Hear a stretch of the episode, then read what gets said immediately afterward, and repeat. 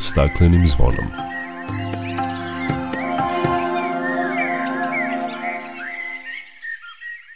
Dobar dan, dobrodošli na Zeleni talas prvog programa radija Radio Televizije Vojvodine. Ja sam Dragana Ratković.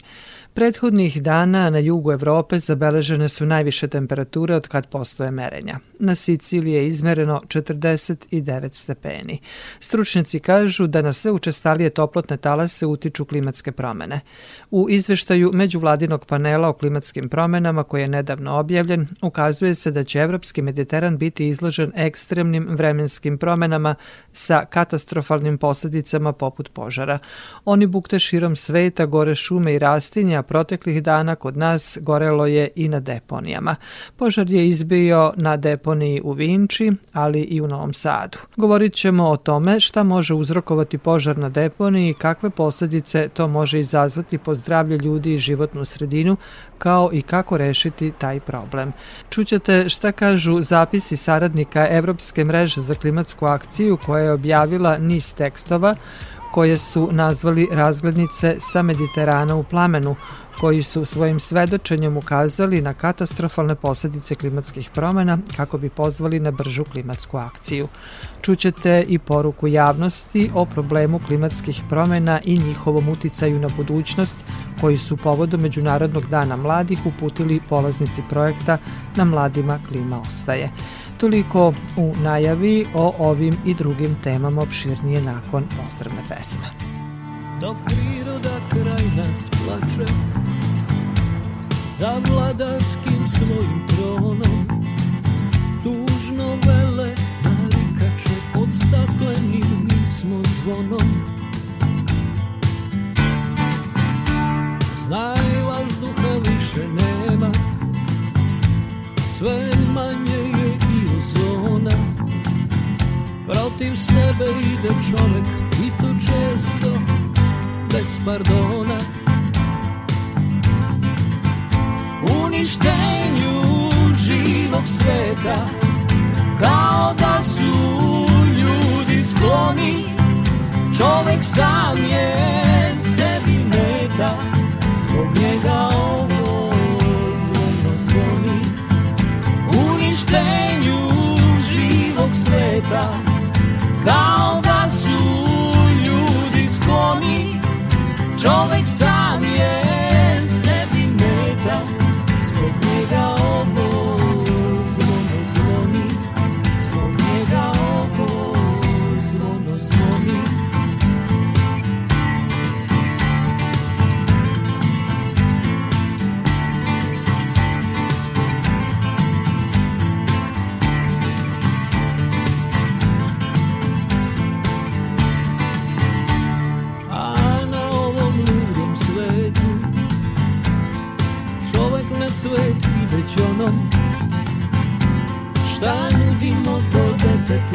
Pod staklenim kad smo zvonom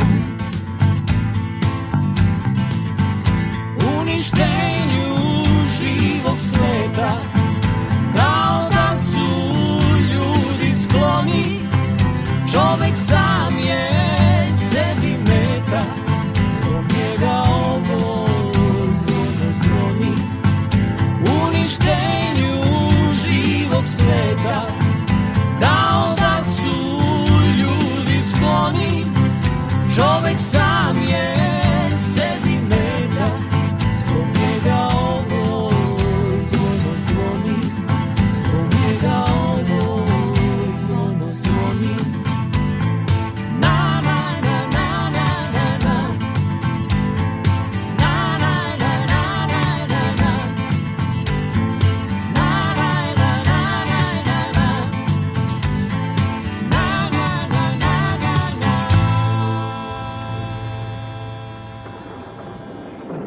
Prvo na deponiji u Vinči, a zatim i u Novom Sadu izbio je požar. Šta je uzrok požara još nije utvrđeno, ali ono što je činjenica to je da se oni češće javljaju leti kada su visoke temperature, kada često dolazi do samozapaljenja jer se lako upali metan pa se onda požari brzo širi i snadatinja danima što svakako utiče na životnu sredinu i zdravlje ljudi.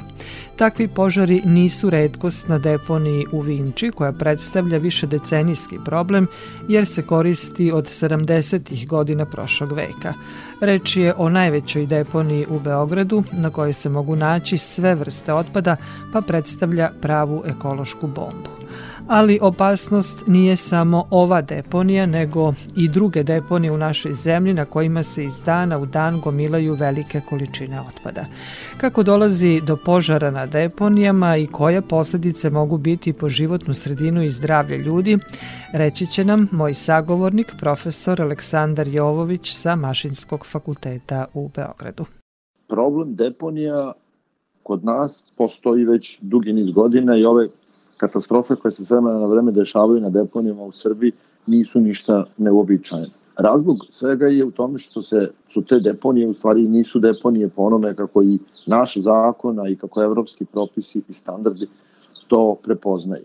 Ove deponije, odnosno ova opštinska smetlišta, građena su jako davno, znači pre 50, 60, 40, 30 godina i tada u početku, u startu već nisu bili izgrađene onako, čak i kako bi možda i u tim trenucima mogla biti izgrađena. Znači nemaju dole određenu foliju koja štiti da otpadne, opasne materije prolaze u podzemlje, nemaju te specijalne kanale, odnosno cevi za izvlačenje deponijskog gasa, nemaju sisteme za prečišćavanje otpadnih voda, nemaju sredstva za uništavanje, odnosno spaljivanje ili još bolje korišćenje deponijskog gasa. Kako se vremenom otpad stalno sabija, odnosno nadolazi na te deponije, i na njih stižu nove količine, sve je veći pritisak na one, one otpade koji se nalaze niže dole. Dole prostor ostaje bez vazduha i pojavljuje se takozvana anaerobna sredina. Sredina bez vazduha koja bakterijama koje se nalaze u organskim materijama prosto pogoduju, to je njihov prostor za razvoj. Raspadanjem tih materijala nastaje prvo ugljen dioksid, vremenom nastaje metan i metana tako vremenom ima sve više i više. Kada se deponija zacuri, tog metana onda ostaje još neko vreme Iako se eksploatiše, vremenom ta deponija postaje neutralna, odnosno mrtva i više nije ona opasnost, bar po pitanju metana, kao, kao što izgleda.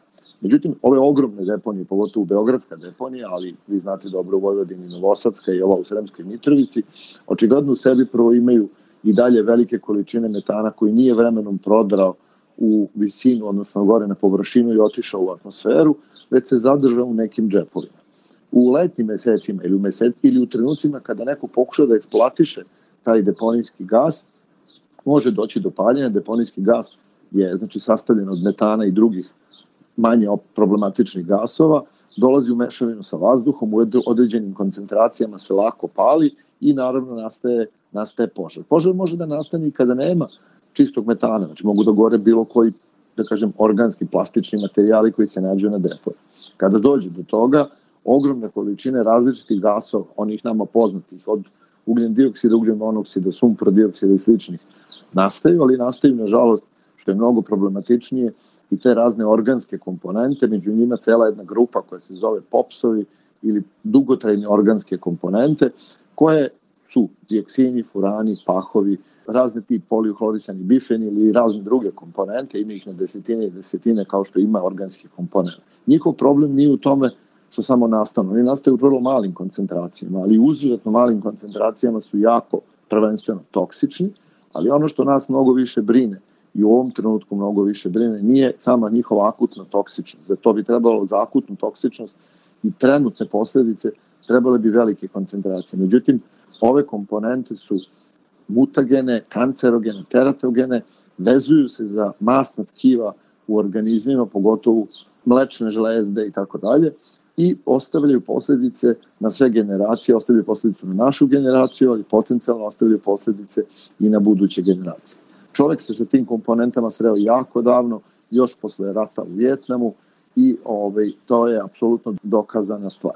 E sad šta je problem? Problem je u tome što kad imate sagorevanje, sagorevanje u zatvorenom, znači ograničenom, kontrolisanom prostoru kao što su peći ložišta, prouzrokovaće vrlo male koncentracije dioksina zanemarljive ako imate dobar proces sagorevanja. Na otvorenom, nažalost, zbog velikog prisustva vazduha u tom trenutku, nastaju komponente koje mi ne želimo, zato se zovu nenamerne organske dugotrene zagađujuće komponente i regulisano je njihov pokušaj da se one smanje, odnosno da toga uopšte ne bude regulisanje ne samo zakonima o upravljanju otpadom, već i zakonima o popsovima, znači Štokholmskom konvencijom, evropskim propisima i Srbija je preuzela sve te i propise, vodi računa o tome, na svakih par godina obnavlja svoj nacionalni plan za primjenu Štokholmske konvencije, ali nažalost ovi slučajevi su postali vrlo česti. Profesore, da li do ovakvih posledica može doći i kod velikih požara kakvi su bili u Grčkoj i Turskoj? Do ovakvih posledica može doći i kada su ogromni požari. Znači u Grčkoj sada kada su bili ovi ogromni požari, došlo je do nastajanja ovakvih komponenti koje su opasne po nas. Međutim, koncentracije koje nastaju su još, još manje nego kada, kada gori otpad. Kada gori otpad, ništa gore nema za nastajanje dioksina, furana i pahova nego tada otpad, ta, ta situacija se ponavlja vrlo često zimi, kada gore kontejneri, deca se igraju, ljudi ne vode računa kako bacaju pepeo i gore ovaj, kontejneri i oslobađaju ogromne koncentracije. Ne bih zalazio sada u detalje da vam govorim o koncentracijama koje su opasne po život, pošto su to milijarditi i milijarditi delovi grama po kilogramu telesne mase. I zaista deluje kada govorite o takvim vrednostima da su one apsolutno, apsolutno zanemarljive, međutim, nažalost nisu, vrlo, vrlo male, vrlo, vrlo izuzetno male koncentracije postaju opasne po ljudsko zdravlje. Da, jedno je sigurno te toksične materije koje nastaju sa gorevanjem raznog otpada na deponijama opasne su po zdravlje. Često imamo požare koji se lokalizuju na deponiji, ali vatra danima tinja pa nas taj dim truje malo duže. Zagađenje vazduha je evidentno, samo da li znamo koje su to koncentracije, da li se i kako rade ta merenja? Nažalost, mi ne možemo da merimo, trenutno da merimo tu koncentraciju u vazduhu. Naše laboratorije nisu osposobljene za merenje dioksina i furana u realnom vremenu, ne postoji merni uređaj uopšte u svetu koji u realnom vremenu meri trenutne koncentracije, ali postoji način da se te komponente uzorkuju i da se određenim hemijskim postupkom kasnije i analitičkim hemijskim postupkom utvrde njihove koncentracije. Tako je 99. za vreme bombardovanja upravo grčke laboratorije na severu Grčke su utvrdile da u oblaku koji je dolazio sa naše strane, znači posle kao posledica pogođenih rafinerijskih i petrohemijskih postrojenja, da je u njima prisutna visoka koncentracija dioksina i furana i upravo grčke kolege, grčki prijatelji pomogli su tada da Srbija dobije određene analitičku opremu da bi se utvrdilo kolike su koncentracije i kod nas. I tek kada su Grci u stvari ozbiljno reagovali, jer je bila ugrožena i grčka životna sredina, a možete onda zamisliti pre toga taj oblak je prošao preko Bugarske i Rumunije, onda su se i bombardovanja takvih objekata proredila, odnosno smanjila, jer je Grčka vrlo oštro reagovala shvatajući da su posledice katastrofe. Ovih dana imamo visoke temperature, mogućnosti za izbijanje požara na deponijama su sve veće.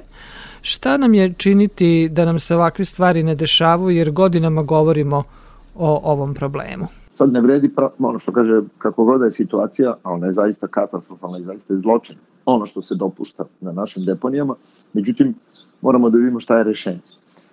Prvo jasno je da ovaj, Republika Srbija nezavisno od svojih obaveza prema Uniji, do sada je uradila dosta kada je u pitanju upravljanja otpadom, bar na ovom, da kažem, administrativnom administrativnom delu. Još 2003. doneta je prva strategija, prva strategija od svih strategija u Republici Srbije u upravljanju otpadom. Ta, ta strategija je zatim obnovljena 2009. 10. i već nekoliko godina se radi na novoj strategiji. Ona predviđa potpuno drugi koncept upravljanja otpadom. Znači ne samo sakupljanje i stavljanje na jedno mesto, nezavisno kako će to mesto biti tehnički uređeno. A predviđa se izgradnja naravno regionalnih deponija koje, će, koje su prava industrijska postrojenja sa folijama ispod njih, sa sistema za skupljanje procednih voda, za sakupljanje prirodnog gasa, za korišćenje tog gasa i tako dalje. Međutim, taj koncept je takođe već delimično prevaziđen i to prepoznaje i naši nacionalni dokumenti. Znači jasno je da nije ideja da sav otpad sakupite i stavite na deponiju iz raznih razloga, a pri tome je to već zabranjeno i evropskim propisima već 20 godina. Ostaje nam u stvari da uvedemo sistem upravljanja otpadom na modern, civilizovan način. Prvo potrebno je da građani počnu da se parišu otpad kod svojih kuća i da odvajaju minimalno nekoliko reciklabilnih komponenti. Tako će prvo smanjiti količinu otpada koja ide prema takozvanim postrojenjima za upravljanje. Koje će postrojenje za upravljanje biti izabrano zavisi od lokalne samouprave, lokalnih uslova, sastava otpada, količine i tako dalje. Što su zemlje siromašnije kao naša, imaju, da kažem, uslovno rečeno nekvalitetniji otpad, otpad koji se vrlo slabo može koristiti, na primjer, u termičke svrhe. Imaju ogromne količine organskog otpada. To znači da se može koristiti u proizvodnju biogasa ili u proizvodnju komposta i tako dalje.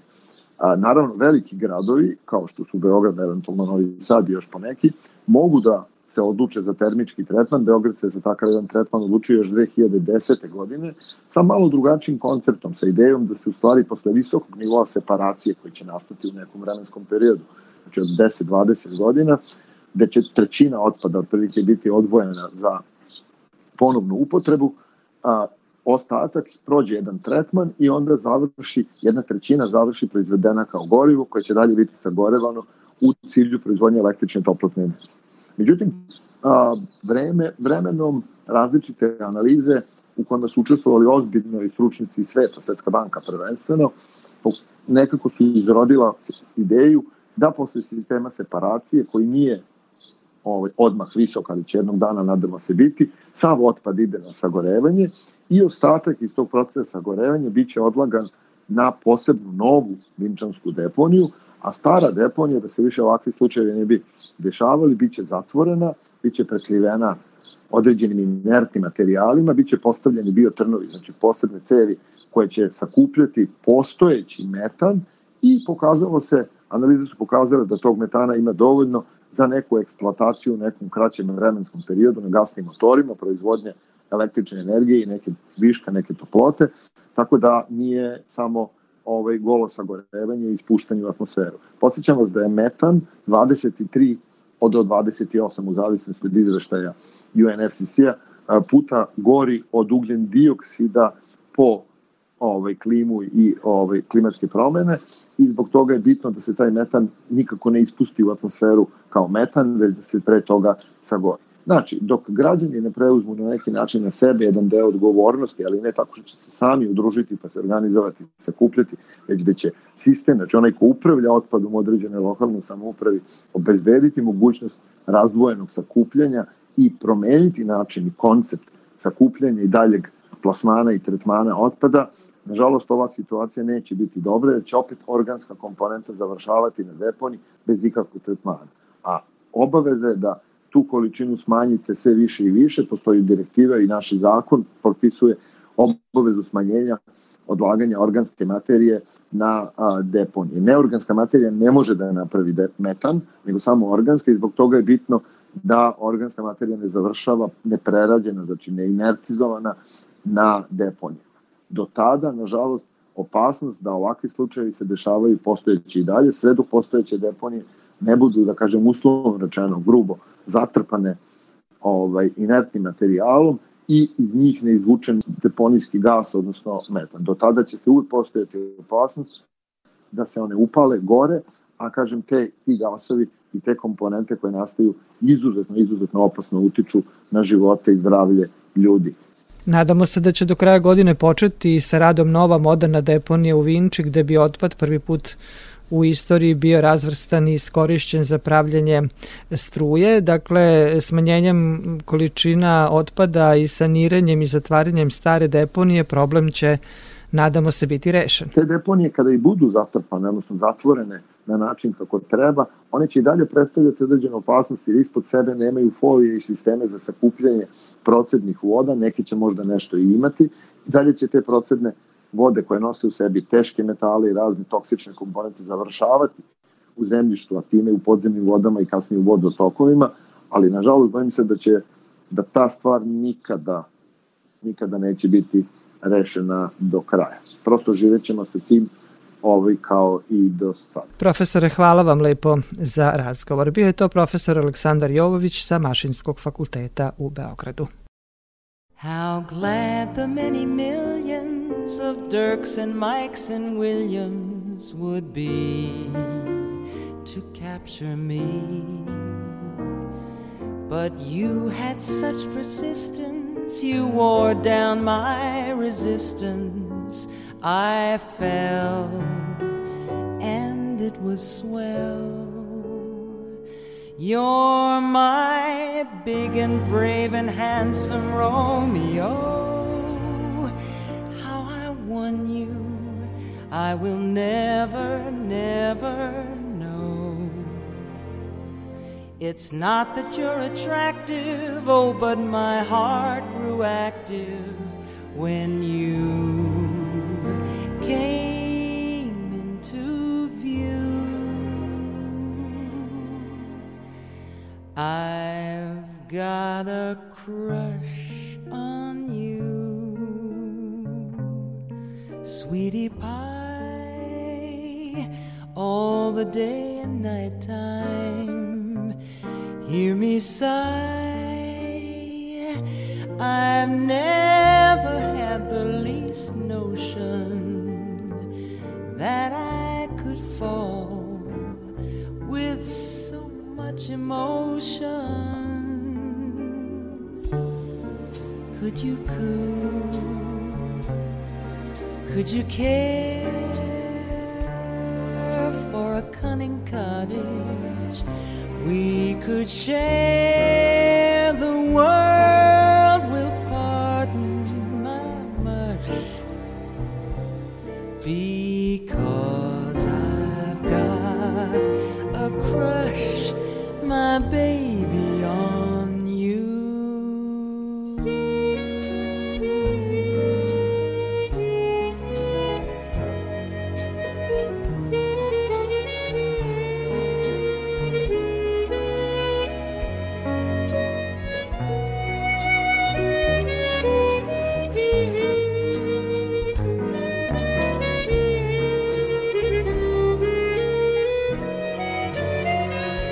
You coo, could you care?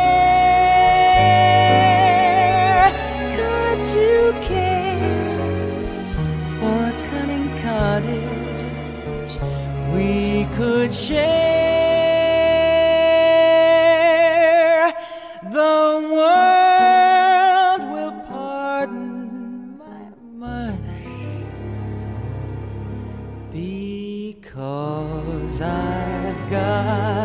Such a crush,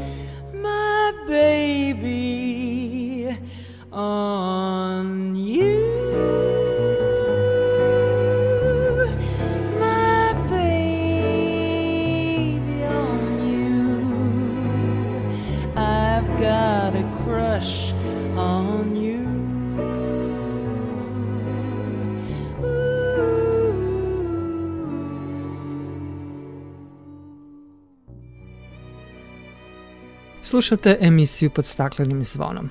Kao što rekao smo, nije samo gorela deponija u Vinči, nego je požar izbio i na deponiji u Novom Sadu, a nekoliko dana kasnije požar je zahvatio i rastinje i otpad na prostoru Novosadskog sajma, tako da ni Novosađani ovih dana nisu imali čist vazduh. Tim povodom gost emisije je i Igor Jezdimirović, predsednik Udruženja inženjeri zaštite životne sredine, koje se dugo bavi pitanjem upravljanja otpadom kod nas. Igore, dobar dan i dobrodošli na Zeleni talas Radio Novog Sada. Dobar dan, bolje vas našli. Evo ovih dana gorela je i Novosadska deponija, do duše manji požar, e, manji nego prethodnih godina, onaj 2019. godine i kako su iz javnokomunalnog preduzeća čistoće rekli, požar je izbio na delu koji nije aktivan Iako sada još uvek nema nekih zvaničnih informacija o uzrocima požara, nezvanično se kaže da se sumnja da se radi o samo zapaljenju i da se upalio e, metan koji dolazi iz onih donjih slojeva, što je već godinama i uzrok požara na deponijama u Novom Sadu. Jeste, nažalost, ovde imamo situaciju da a, požari koji nastaju na deponijama vrlo često su uzrok visokih temperatura sa jedne strane i s druge strane posledica fizike i hemije. Tačnije, naš odnos prema otpadu se nije promenio, a otpad se po priličnoj meri povećao u samoj količini i, ovaj, i sastavu i prilikom njegove razgradnje, pogotovo organskog dela otpada, dolazi do formiranja takozvanog deponijskog gasa, koji u velikoj meri sadrži i metan i koji je vrlo zapaljiv. I onda na ovim visokim temperaturama dovoljno je da imate možda neku flašu koja je ostala ili bilo šta drugo, staklo koje će napraviti neko malo soču, izazvati varnicu i krenuće taj nekontrolisani požar koji prilikom svega toga dovodi do emisije zagađujućih materija u vazduh, s kojima imamo ozbiljnih problema. Prvo, ne znamo ni šta smo bacili na te deponije. S druge strane, ne znamo ni šta onda sami sagorevanjem može da nastane. Ono što sigurno znamo da ono što nastaje ne može da bude zdravo, ne može da bude korisno i najčešće e, to su polu e, sago, znači dolazi do polu sagorevanja, znači nemamo dovoljno velike temperature kao što imamo prilikom incineracije i spaljivanjem otpada u kontrolisanim uslovima, već imamo to polu sagorevanje gde nastaju vrlo štetne materije, furani, dioksini, e, sumpor dioksidi i povećane koncentracije čestica, sve to je kancerogeno, sve to je mutageno to znači da direktno utiče na naše zdravlje. Ono što je razlika jeste samo u kojoj meri i kojoj koncentraciji će doći. Uzimajući u obzir da vi nemate blizu deponije neke velike merne instrumente koje mogu reći u Novom Sadu šta je stvarno ispušteno, čak i da ih imate neće se meriti dioksini i furani, ovaj, onda ostaje samo to da se apeluje na prevenciju sa jedne strane prema građanima da se zaštite koliko god to mogu i da u ovim, u ovom periodu gledaju da što manje budu izloženi onim oblastima grada gde dolazi do pojave dima i mirisa, tačnije smrada, a s druge strane ostaje jedan ozbiljno upozorenje da mora da se počne otpadom upravljati. Ovaj način a, upravljanja otpadom je upravo posledica svega onoga što mi danas imamo. Mi danas trpimo posledice dugogodišnje nebrige o otpadu, i bacanje otpada nekontrolisano uz neke minimalne a, mere. Ovo polje jedan, koliko sam ja dobio informaciju, da upravo to neaktivno ovaj polje koje je prethodnih decenija korišćeno, tu se e, dolazi do, znači, do stvaranja deponijskog gasa prilikom razgradnje same organske materije i pod privišenim ovaj, temperaturama dolazi do samozapaljenja. To znači sledeću stvar, kada god napravite neki otpad, i da ga zbrinete, morate voditi računa o njemu na dugi vremenski period. Znači nije to samo bacio sam i zaboravio sam. A svi mi negde težimo ka tome da se, da se otpada oslobodimo i u želji da neko drugi brine o tome. Ne, ovde moramo svi prvo kao građani s jedne strane da brinemo o tome na dva načina. Prvi način jeste da apelujemo i da ne da apelujemo da tražimo donosioca odluka da se reši pitanje, izgradi regionalni depona i uvede sistem upravljanja otpadom u skladu sa svim pravilima struke. I druga stvar jeste da shvatimo da i mi moramo da se odnosimo prema tom otpadu drugačije. Da onoga trenutka kada odlazimo u prodavnicu i kada biramo šta ćemo da kupimo, razmislimo o tome kakva vrsta otpada nastaje iza toga i da li nam je stvarno to neophodno. Jer ovaj način kako trenutno upravljamo i sa strane donosioca odluka i sa nas strane građana dovodi do toga da ćemo se u svom rođenom otpadu ugušiti. Da, otpada je bilo, kaže uvek i bit će ga, samo je važno kako njime upravljamo, a moramo priznati da su velike količine otpada se odlažu na Novosadsku deponiju i evo konačno u najavi imamo da će i taj problem biti rešen iako se na njega već čeka zaista jako dugo. Pa eto, znači to je usvojen novi regionalni plan upravljanja otpadom koji predviđa da se izgradi regionalni centar za upravljanje otpadom. U njegovom sistemu će biti regionalna deponija. Skoro su mi isto pitali, pa kao eto, za dve, tri godine će to biti, kaže šta mislite o tome, rekao mislim da ću verovati kad budem video. Ovo je drugi regionalni plan koji grad Novi Sad usvoja, od prvoga nije se odmaklo mnogo, Prvim je već bilo obećano 2016. i 17. će ta regionalna deponija biti gotova. Mi smo danas u 2021. Još uvek se priča i prikuplja sva dokumentacija koja je potrebna. Ja verujem da su napravljeni neki pomaci, ali isto tako moramo biti svesni i pogotovo oni koji donose odluke moraju biti svesni da smo vreme potrošili. Znači ovakve požare i veće požare možemo očekivati u narednim periodima iz više razloga. Prvo što se količina deponovanog smeća, otpada, svakog dana povećava. Svako od nas ko boravi u gradu proizvodi oko jednog kilograma komunalnog otpada dnevno, a s druge strane svedoci smo klimatskih promjena i povećane temperature. I s treće strane, ono što smo mogli da čujemo i da pratimo jeste da i sami kapaciteti javno komunalnog preduzeća koje se bavi upravljanjem otpadom čistoće nisu na nivou koji je potreban da bi se rastući grad kao što je Novi Sad obuhvatio i sredio. To su neka sva pitanja koje se strateški moraju pristupiti, koji su jednim delom i rešeni u regionalnom planu upravljanja otpadom, ali to je još uvek slovo na papiru. Te kada budemo videli tu realizaciju i kada budemo kao građani videli pomake i u primarnoj selekciji i u a, samom a, načinu odnošenja prema otpadu, pre svega u sanitarna kaseta i minimalizacijom samog otpada moćemo da kažemo da je nešto urađeno. Planom je predviđeno kada regionalna deponija Pa evo nam je obećano za 3-4 godine, za 3-4 godine će biti ovaj uspostavljen ceo taj regionalni sistem. To je ambiciozno, ja verujem da može i verujem da uh, u ovom trenutku postoji podrška struke s jedne strane, da se to sprovede, iako će to dovesti do nekih promena, naravno i u ceni samog odnošenja otpada i u njegovog odlaganja, ali će dovesti i velike benefite za zdravlje svih nas. Jer ne treba da zaboravimo da danas kada odložimo otpad negde, mi platimo samo njegov sistem, njegovo prikupljanje i odnošenje. Ne plaćamo još uvek njegovo zbrinjavanje na adekvatan način. To znači da čim ne platite nešto, će vas to sačekati negde na drugoj meri.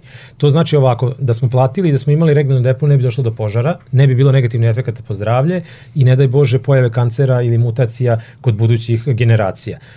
Kada to ne platimo, to znači da će buduće i naše generacije platiti to kroz svoje zdravlje. Znači, uložiti u sistem upravljanja životnom sredinom, upravljanja otpadom, zaštiti voda je u suštini ulaganje u naše zdravlje i u buduće generacije. Gradnja bolnica je super, to znači da vi niste bili u stanju da uradite dobru prevenciju ili da ste uradili dobru prevenciju bi mnogo manje zgrada i medicinsko osoblja vam bilo potrebno. Igore, hvala lepo za razgovor. Evo, opasnost e, postoji uvek da se tako nešto desi i čak i širih razmera. Jeste, to je jedna od opasnosti. Treba da vodimo računa da su te zagađujuće materije koje nastaju bioakumulacijone, one se zdržavaju u organizmu dugi niz godina i treba voditi računa, znači jedan požar se slaže sa drugim požarom i sve tako narasta količina zagađujućih materija i ono što definitivno kao sugrađani treba da imamo i razumevanja prema tim ljudima i prema vatrogasnim službama koje stvarno daju svoje napore da se to ugasi, ali opet kažem, prevencija je ključ. Ovo je sad samo reakcija i gašenje požara. Moramo uraditi sve što je moguće da se spreči da do ovoga dođe. Da do požara ne dođe. Igore, hvala lepo za Hvala vam najlepša na pozivu.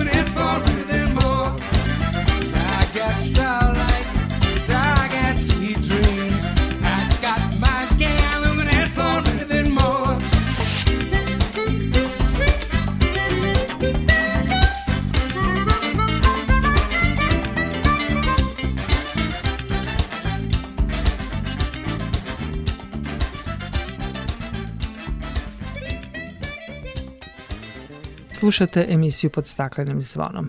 Prethodnih dana na jugu Evrope zabeležene su najviše temperature od kad postoje merenja. Na Siciliji je pre nekoliko dana u gradu Floridija bilo gotovo 49 stepeni. Stručnjaci kažu da na sve učestalije toplotne talase utiču klimatske promene, a naučne projekcije pokazuju da će u narednim dekadama biti još intenzivnijih i češćih toplotnih talasa sa višim temperaturama i pojavama suša i poplava na našem kontinentu. Srbija sa svojom umereno kontinentalnom klimom nije u riziku da dostigne temperature sa juga Evrope, ali snažni toplotni talasi ugrožavaju i naše podneblje. Više o tome Jovana Golubović. Najtoplije leto u našoj zemlji bilo je 2012. godine kada je srednja temperatura bila 25,7 stepeni Celzijusa. Ekstremno visoke temperature beležene su i mnogo ranije.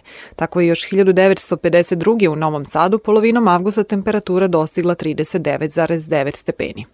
Ipak vrela leta javljala su se mnogo ređe nego u poslednjih 30 godina, što pokazuje da su klimatske promene uticale na intenzitet i učestalost toplotnih talasa, objašnjava docent sa Prirodno-matematičkog fakulteta u Novom Sadu Dragan Milošević. Kod nas se evo, već dešava da beležimo temperature redovno između 35 i 40. Čak smo i, i mi u Novom Sadu imali rekord 2007. za vreme isto ovako toplotnog talasa. Temperatura je bila 41,6. Znači, to je isto jedan deo te priče o globalnim klimatskim promenama i ona utiče to i na Grčku. Imali smo nedavno poplave u Nemačkoj, imamo kod nas toplotni talas sa visokim temperaturama, tako da na neki način i naša država osjeća te posledice.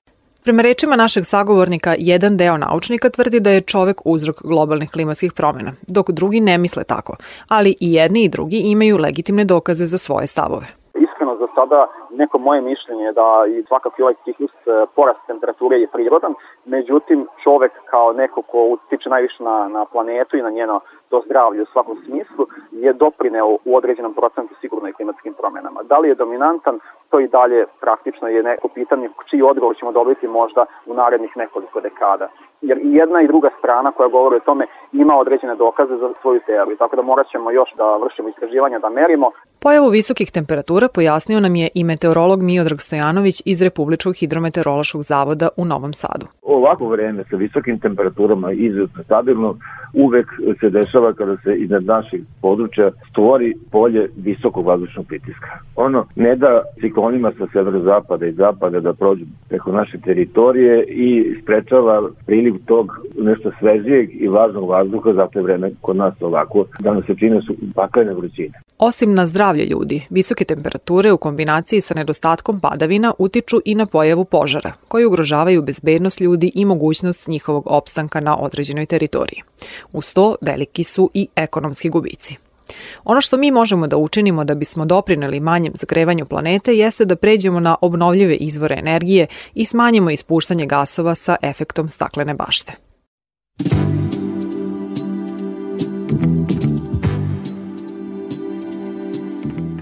Slušate emisiju pod staklenim zvonom. Evropska mreža za klimatsku akciju je vodeća evropska koalicija nevladinih organizacija koja se bori protiv klimatskih promena, promoviše održivu klimu, energetske i razvojne politike, ali i alarmira i evropske kreatore politika da poštre borbu protiv klimatskih promena.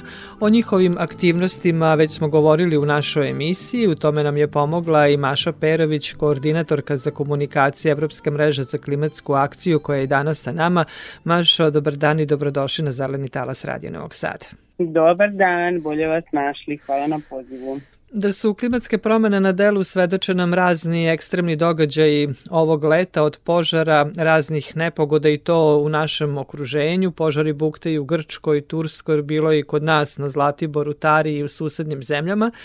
A jedna od vaših reakcija na sve to je niz tekstova zapisa vaših saradnika koje ste nazvali razglednice sa Mediterana u plamenu, koji su svojim svedočenjem ukazali na katastrofalne posledice klimatskih promena kako bi pozvali na bržu klimatsku akciju. Jeste, obično se bavimo lobiranjem i pritiskom na, na političare i na donosioce odluka kako bi planove lokalne, nacionalne i, i međudržavne bolje i brže napravili sa ciljem da, da umanjimo te klimatske promene kojima doprinosimo mi kao ljudi najviše upotrebom fosilnih goriva, a ovog puta s obzirom da se e, moje koleginice i kolege dolaze iz raznih zemalja, između ostalog i iz Turske i iz zemalja Balkana, oni su u stvari doživeli te vatre, te požare koje su izazvane direktno klimatskim promenama, njihovi životi su donekle bili ugroženi, njihova, njihove porodice, njihova rodna mesta, njihovi odmori, odnosno naši odmori više nisu ono što smo očekivali ne sedimo pored mora i, i bezbrižno se bućkamo, nego u stvari bežimo od plamena. Imaju dva zapisa, jedan je iz Turske, iz regiona Mugla, koji je i poznat, da tako kažem, po termoelektrani koja radi i dalje, bez obzira na to što radi mimo zakona, mimo turskog zakona i ne poštuje sve odredice za zaštitu prirode. I tamo se našla naša Elif, koja je nakon temperatura od 49 stepeni morala da se spakuje i, i, da, i da pobegne. I takođe imamo jedno svedočenje iz Skoplja, kolege koji e, iz Brisela je došao za, na, na odmor kući, svedoči o tome kako se osjeća hodajući u gradu gde je nemoguće u stvari izaći na ulicu i gde, gde život e, nije ono što, što, što očekujemo i gde u stvari svi sede i žive u nekom polu strahu i i grču šta će se dalje desiti. Veoma je čudno jer ljudi e, dok im se valjda ne desi neka katastrofa ne mogu da, da je pojme. I recimo koleginica u Turskoj opisuje kako ljudi traže nekoga ko će da im bude glavni krivac, ko je zapalio vatru ali mi znamo ko je zapalio vatru. Mi smo svi zapalili vatru svojim nedelom. Ovaj, tako da je vrlo interesantno da i ovaj izveštaj UN-ove međunarodne komisije koji govori da smo da je to to da je da je crveni alarm udario i da nema više pardona, nego da stvarno moramo da se pripremimo, odnosno da delamo tako da globalna temperatura ne ide iznad 1,5 stepeni Celzijusa. To znači smanjenje upotrebe fosilnih goriva, uključujući gas, to znači smanjenje upotrebe, upotrebe energije, to znači život koji je više u skladu sa prirodom i sa prirodnim resursima, a mi vidimo da svaki dan se borimo da zaštićujemo naše prirodne resurse. Baš, baš je to čudno. Da, da taj izveštaj međuvladinog panela o klimatskim promenama i, i jasno ukazuje da će evropski Mediteran nastaviti da bude izložen ekstremnim vremenskim promenama koje će sa sobom naravno nositi katastrofalne posledice poput požara, ali i drugih vremenskih e, nepogoda. E, kako na to reagujete vi u Evropskoj mreži za klimatsku akciju? Koje preporuke i koja upozorenja upućujete vladama kako bi poštrili mere u borbi protiv klimatskih promena? Pa evo pred mesec dana, tačno 14. jula, je Evropska unija donela set od 14 zakona koji bi trebali da idu ka tome da Evropska unija postane klimatski neutralna do 2025. godine, odnosno da do 2030. godine smanji emisije gasova staklene bašte za 55% u odnosu na onih 1990. godine. Mi kažemo u mreži za klimatsku akciju da u stvari tih smanjenje za 55% nije dovoljno da bi postigli taj 1,5 stepeni, na šta nas obavezuje i Parijski sporazum, i u stvari dajemo tačne preporuke na set tih 14 zakona kako da se pojača ta akcija e, lokalno, nacionalno, globalno. Dakle, pod broj 1 prelazak sa fosilnih goriva na obnovljive izvore energije. Ali to ne znači da nastavimo da trošimo isto koliko sad trošimo.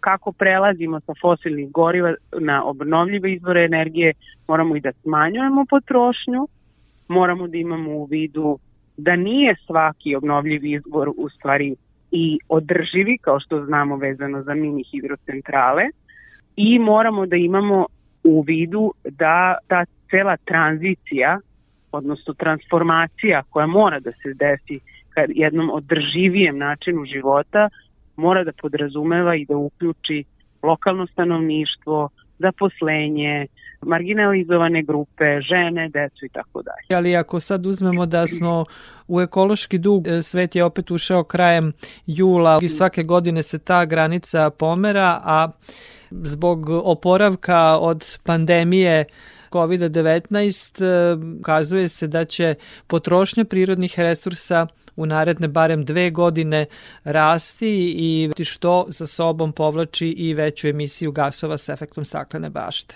Znate kako, očigledno još uvek nismo dovoljno shvatili da ovo mora da se desi. Tako da, da li će ovi požari, ovo što se sada dešava, što direktno utiče na naše živote, imati efekta, mi se svi nadamo da hoće. Mi dalje guramo, pričamo, alarmiramo, naučne činjenice su jasne.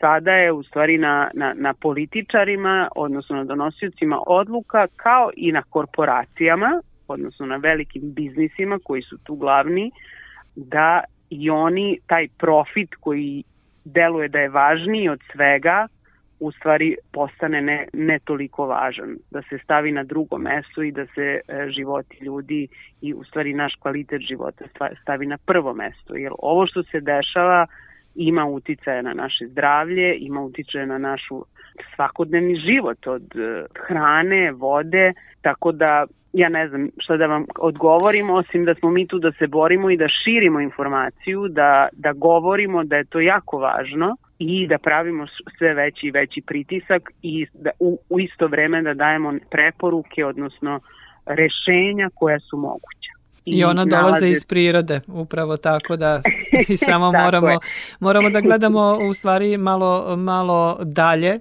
da bismo da. videli kakve posledice sve to može izazvati i da li je bolje da sprečimo to sad ili da snosimo posledice u budućnosti našeg nedelovanja sada. Hvala vam lepo za razgovor i učešću u programu Radio Novog Sada. Hvala vama na pozivu.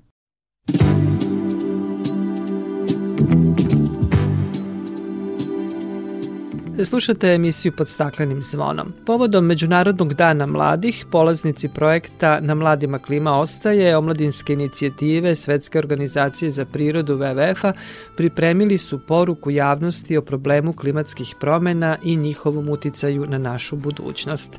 Tim povodom sa nama koordinatorka projekta Na mladima klima ostaje iz WWF Adrija Mina Mirić. Mina, dobar dan i dobrodošli na talase Radija Novog Sada. Dobar dan, bolje vas našla. Vi ste, Mina, koordinatorka projekta na Mladima klima ostaje. Šta taj projekat podrazumeva i šta je cilj tog projekta? Upravo tako, kao što ste rekli, Dragana, na Mladima klima ostaje je projekat WWF Adrija Srbije, Svetske organizacije za zaštitu prirode, koji uključuje mlade ljude u Srbiji i to uzrasta 15 do 24 godine na temu klimatskih promena. Tako da ono na što se naš projekat fokusira jesu klimatske promene, ali ne samo to saznanje koje, će oni, koje su oni dobili već sveobuhvatno koje se tiče klimatskih promena, bilo da govorimo o političkim okvirima, lokalnim, globalnim koji ih e, regulišu, ali isto tako i, i veoma naučni podaci i osnovice za, za klimatske promene, ali isto tako i komunikacije istih, e, kako svojim vršnjacima, tako i široj publici. I ono što je e, nama prije svega drago jeste da kao organizacija koja se bavi zaštitom prirode duži vremenski period, evo ove godine slavimo 60. rođendan, da smo u prilici da mladima ne samo prenesemo znanja, već da im omogućimo da sva ta svoje znanja primene kroz svoje idejne zamisli, to je svoje inicijative. Mina, koliko su mladi u Srbiji svesni problema koji klimatske promene predstavljaju? Do sada smo imali uvid u to da mladi jesu veoma svesni problema koje klimatske promene predstavljaju, ali takođe i važno zapomenuti da su veoma željni da deluju na tu temu. I ono što se mi trudimo, ono na što se mi trudimo da odgovorimo jeste da im ukažemo na različite načine na koji oni mogu da dovedu do tih veoma važnih i, i bitnih promena. Bilo da govorimo o svom najbližem okruženju, bilo da govorimo o konkretnim rešenjima koja se tiču ublažavanja ili prilagođavanja na klimatske promene ili o samom podizanju svesti među svojim vršnjacima, jer takođe vidimo kao veoma važnu ulogu mladih u toj vršnjačkoj edukaciji i o širenju svesti važnosti ove teme među, među svojim vršnjacima. Dobro je da su mladi svesni problema koje klimatske promene predstavljaju. Nedavno je objavljen izveštaj međuvladinog panela Ujedinjenih nacija o klimatskim promenama koji upozorava na važnost hitnog reagovanja, na što su i mladi u Srbiji odreagovali i poručili da moramo da se pokrenemo kako i na koji način. Za početak e, rekla bih da sama ta želja i zainteresovanost je već jedan, jedan korak ka nekom poboljšanju, ka nekim pozitivnim promenama. Mi ćemo kao Svetska organizacija za zaštitu prirode i dalje raditi i sarađivati sa mladima, ali isto tako ćemo u saradnji upravo sa, sa našim, ne bih volila da učesnicima, ali pre svega kolegama mladim na projektu, raditi na pružanju upravo takvih ideja. Bilo da govorimo o ne samo smanjenju, smanjenju potrošnje hrane ili važnosti obnovljivih izvora energije, ali i samo to pričanje o klimatskim promenama, objašnjavanje jedni drugima šta to znači, do čega to može da dovede, ali i šta može da se desi ukoliko ne reagujemo, sami ti, te konverzacije, ti dijalozi međusobni su, su veoma bitni kao, kao prva polaznica. U svetu pokret mladih ljudi za klimu deluje. Da li ste možda povezani sa mladima širom sveta Evrope? Mi na projektu inače sarađujemo sa velikim brojem mladih, ali isto tako i sa WWF kancelarijama kako u Bugarskoj, tako u Rumuniji, ali i, i u Češkoj. Ove godine desit će se i to početkom novembra COP26 u Glazgovu i to će biti jedno od većih svetskih dešavanja na kojem očekujemo konkretnije rezultate i konkretnije promene i međunarodne dogovore. Ali ono što je važno pomenuti isto tako jeste da prethodno COP26 u novembru u Glazgovu dogodit će se u Milanu COP konkretno za mlade, gde će mladi imati prilike da pruže svoja idejne rešenja, da ukažu na ono što, što njih brine. I sa tim takođe planiramo da se uključimo i na takva, i na takva dešavanja, jer je veoma važno da se glas mladih čuje što dalje i što više. Povodom Međunarodnog dana mladih, polaznici projekta Na mladima klima ostaje pripremili su poruku javnosti o problemu klimatskih promena i njihovom uticaju na našu budućnost. Upravo tako i veoma nam je bilo drago da a, možemo da na, na Međunarodni dan mladih 12. avgust da odreagujemo i da a, po prvi put a, pošaljemo tu poruku mladih mladima. Veoma je važno da komuniciraju jedni sa drugima i svakako najbolje se dopreti do svojih vršnjaka, tako da nadamo se da je ovo samo jedan početak većeg angažovanja mladih i veće zainteresovanosti da ne samo pričaju na ovu temu, već da, već da i da deluju Mina, hvala vam lepo za razgovor. Drago mi je da čujem da su mladi svesni problema koji klimatske promene e, donose, predstavljaju i da žele da na neki način reaguju, da se pokrenu i nadamo se da će se taj pokret i širiti. Hvala vam puno, Dragana, zadovoljstvo je bilo i podeliti poruku mladih sa vama i sa vašim slušalcima. Hvala još jednom. Za kraj da čujemo poruke koje ste uputili javnosti. Klimatske promene su svuda oko nas i već utiču na naše živote. Moramo hitno da se pokrenemo jer planeta B nije opcija. Ne želim da udišemo zagađen vazduh. I ja želim da dišem čist vazduh. A ti? Jer priroda nema cenu. Jer su sve prisutniji događaji poput suša, poplava i velikih požara. Inače ćemo svi izgoreti na ovom asfaltu. Želim da zajedno zaustavimo apokalipsu i sačuvamo jedinu planetu na kojoj još uvijek postoji život jer ne smemo dopustiti da parazitske bolesti zavladaju životinskim svetom. Jer ne želim da od mnogih biljnih i životinskih vrsta uskoro ostane samo uspomena. Moramo hitno da se pokrenemo, jer sve zavisi od nas. Mi smo odgovorni za našu budućnost. Klimatske promene više ne možemo da zaustavimo, ali možemo da ih ublažimo, da im se prilagodimo i umanjimo njihove posledice po buduće generacije. Mi možemo ponovo da budemo biološka vrsta koja živi u skladu sa prirodom. Pokrenimo se za budućnost. Na mladima klima ostaje. Došli smo do kraja emisije pod staklenim zvonom koju možete slušati i odloženo na podcastu Radio Televizije Vojvodine na adresi rtv.rs. Na pažnji vam zahvaljuju Jovan Gajić, Zoran Gajinov i Dragana Ratković.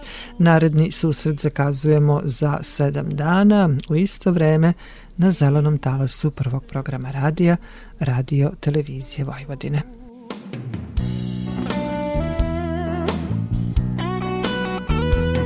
Now little David was small, but oh my. David was small, but oh my. He slew Goliath, who laid down and died. David was small, but oh my.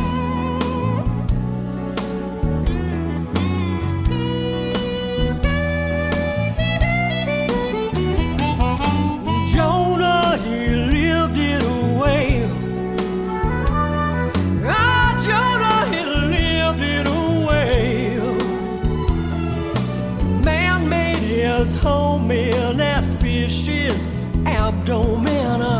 Jonah, he lived it away. I'd get into heaven, don't snap for a seven. Live clean, don't have no faults. I take that gospel whenever it's possible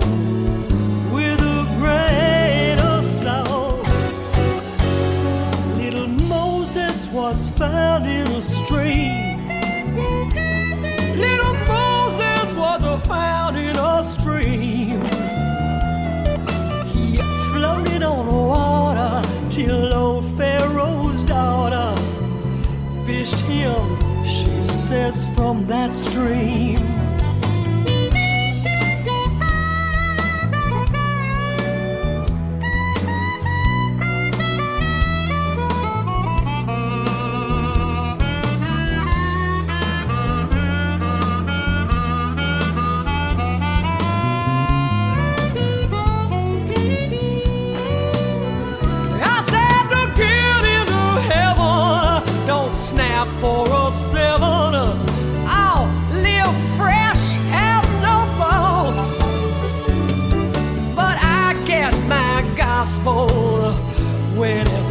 Possible with a teeny of salt. Methuselah lived 900 years. I said Methuselah lived 900 years. But who calls that living when no gal will give in